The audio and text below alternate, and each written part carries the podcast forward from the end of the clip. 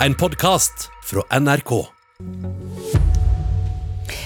Men først nå skal det handle om dataspill, for det er mange både små og store som bruker store summer nettopp eh, på det. I dag finnes det ingen lov som styrer de enorme beløpene som er i omløp, men det kan det bli endring på.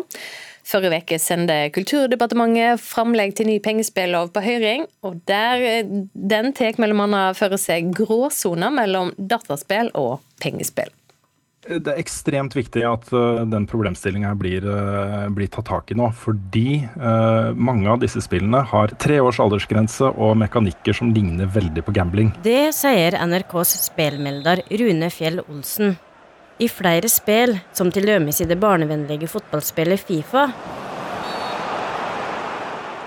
er det nå mer og mer vanlig med lotterilignende element. Et eksempel på det er kjøp av lootboxer. Det er en boks som inneholder diverse spillgjenstander som gjør deg bedre rusta i spillet. Og mange spill er laga slik at du blir frista til å bruke mer og mer penger på slike lootbokser. Dette er ikke regulert, men nå vil regjeringa ha hjelp til å finne ut om det skal bli jamstilt med andre typer pengespill i den nye pengespillova.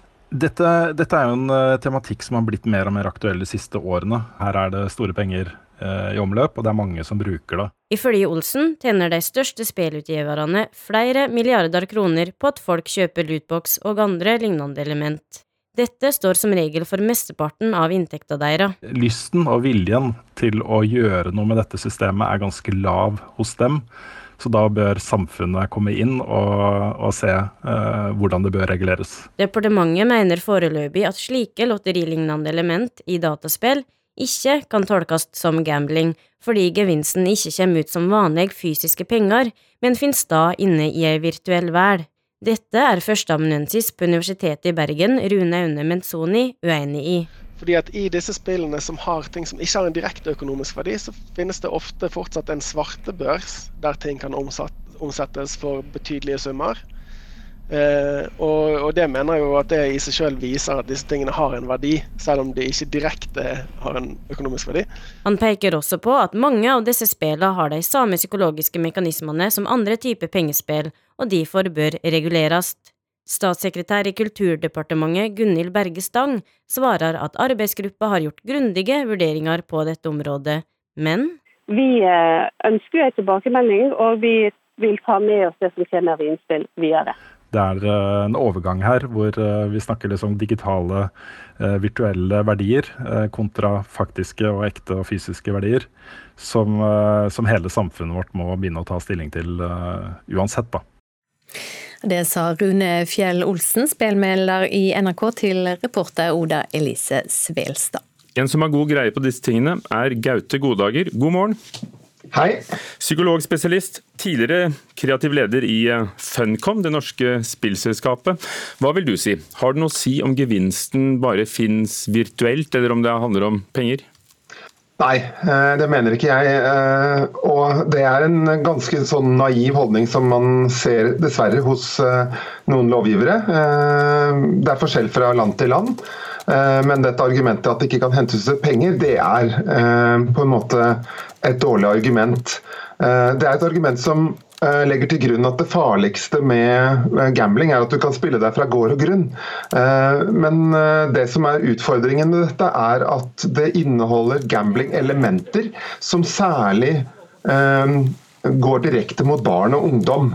Og for dem er jo dette mye mer viktig enn penger.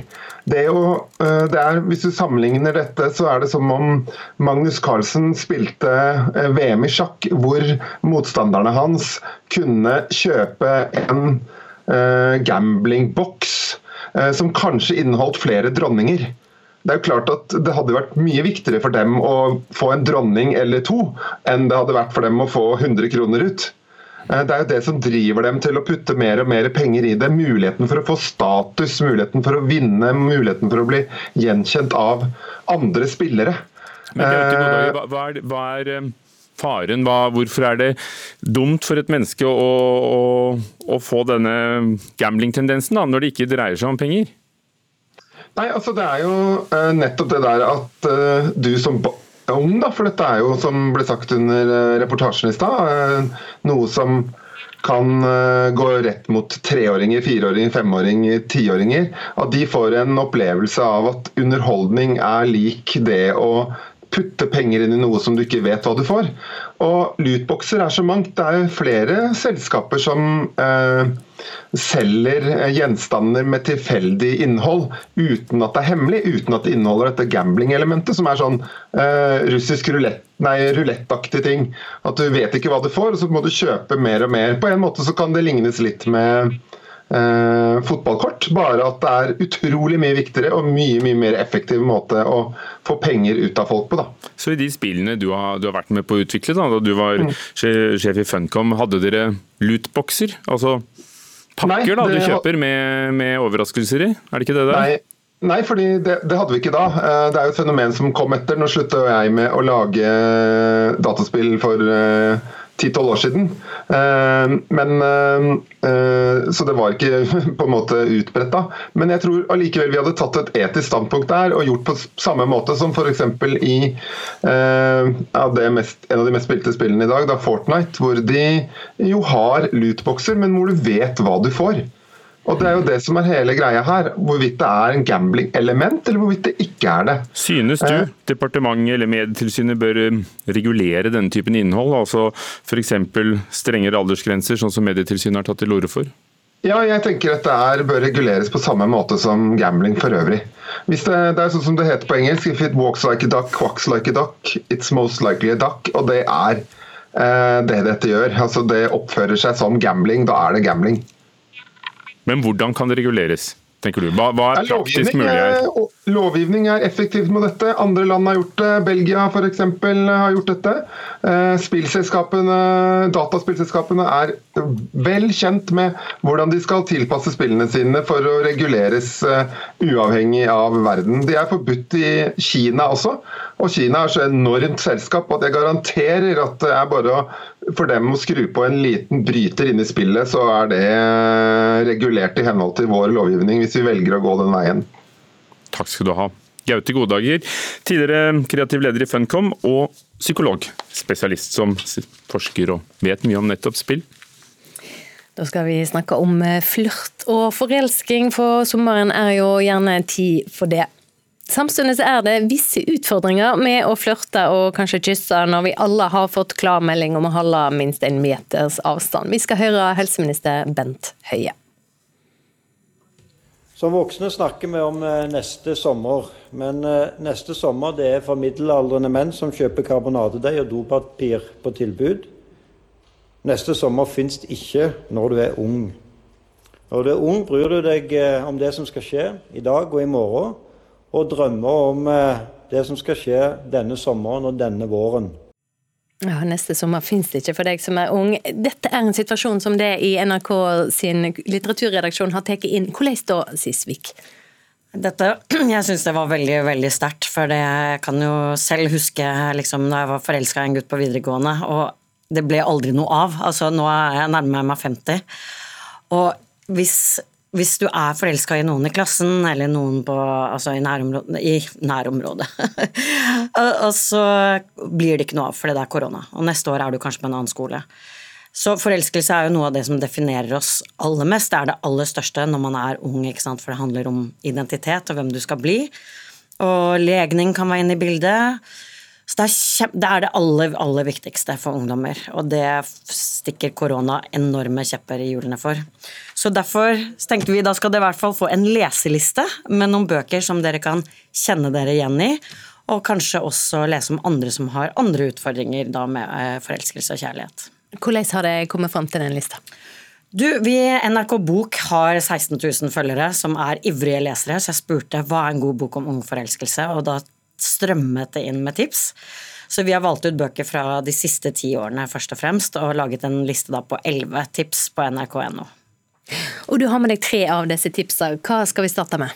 Starte med de yngste. Eh, en tegneserieroman. Nora Dåsnes' eh, 'Ti kniver i hjertet'. Eh, for altså tolv er vel hovedpersonen som kommer tilbake til skolen og ikke er så opptatt av lek lenger, men opptatt av ikke det andre kjønn, men det viser seg en jente, en ny jente i klassen.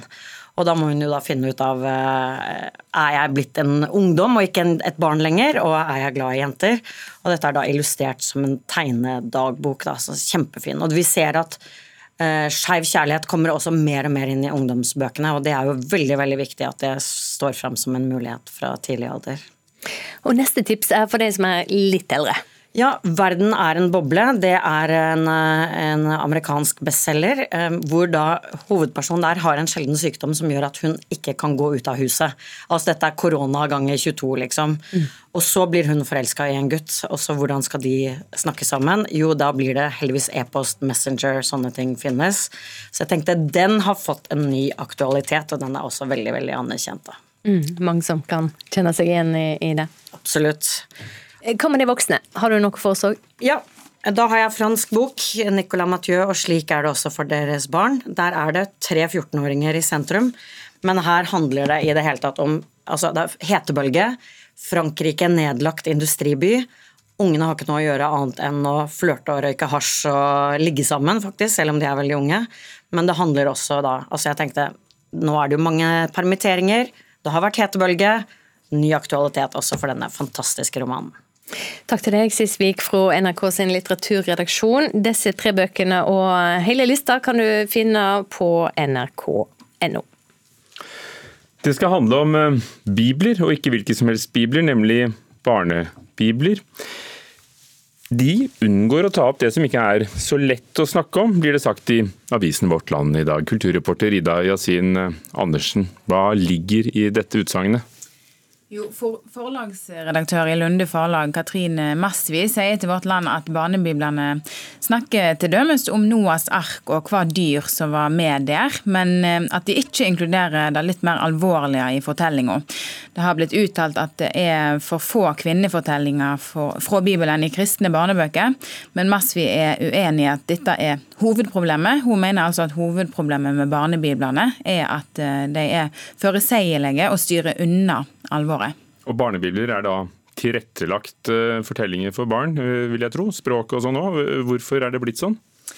Vi sier mellom annet at hun tror at eh, barnebiblene er tenkt lest av noen som ikke har et aktivt trusliv sjøl, og at det handler mer om å overlevere fortellingene som er viktige i kulturen vår. Hun sier òg at de er forutsigelige, sånn at hver gang det kommer en ny barnebibel, så vet hun stort sett hva fortelling som er med. Og så er det tema med kvinner i Bibelen og hvordan de fremstilles. Mm. Da er det jo flere som har snakka om i vårt eh, land den siste uka. Mellom annet har det handla om at eh, historier om kvinner ikke er nok inkluderte i barnebiblene, og at det er en mannsdominert kultur. Men Masvi fra Lunde forlag eh, mener at problemet ikke er at kvinnene er utelatende, men peker på at om kvinnene blir trukket fram, så er det i sjangeren bifortellinger. Hun sier disse fortellingene speiler en mannsdominert kultur. Det, ja, det ligger vel kanskje litt i det du sa der. Hvorfor er det så vanskelig å få mer og flere kvinner inn i historiene som da brukes i barnebiblene? Jo, Forlagssjef i Hermon Forlag Svein Andersen sier òg at eh, de ofte er prisgitt eh, det som blir produsert internasjonalt, fordi at kristne barnebøker er en liten nisje i Norge. Han sier òg at de lenge har hatt i tankene å finne flere historier med kvinner fra Bibelen, og at de er i gang med å lage en barnebok om kvinner i Bibelen. Og Masvi fra Lunde forlag peker òg på at likestilling ikke er regna som et like viktig bibelsk perspektiv internasjonalt som det er i Norge. Takk skal du ha, kulturreporter Ida Yasin Andersen.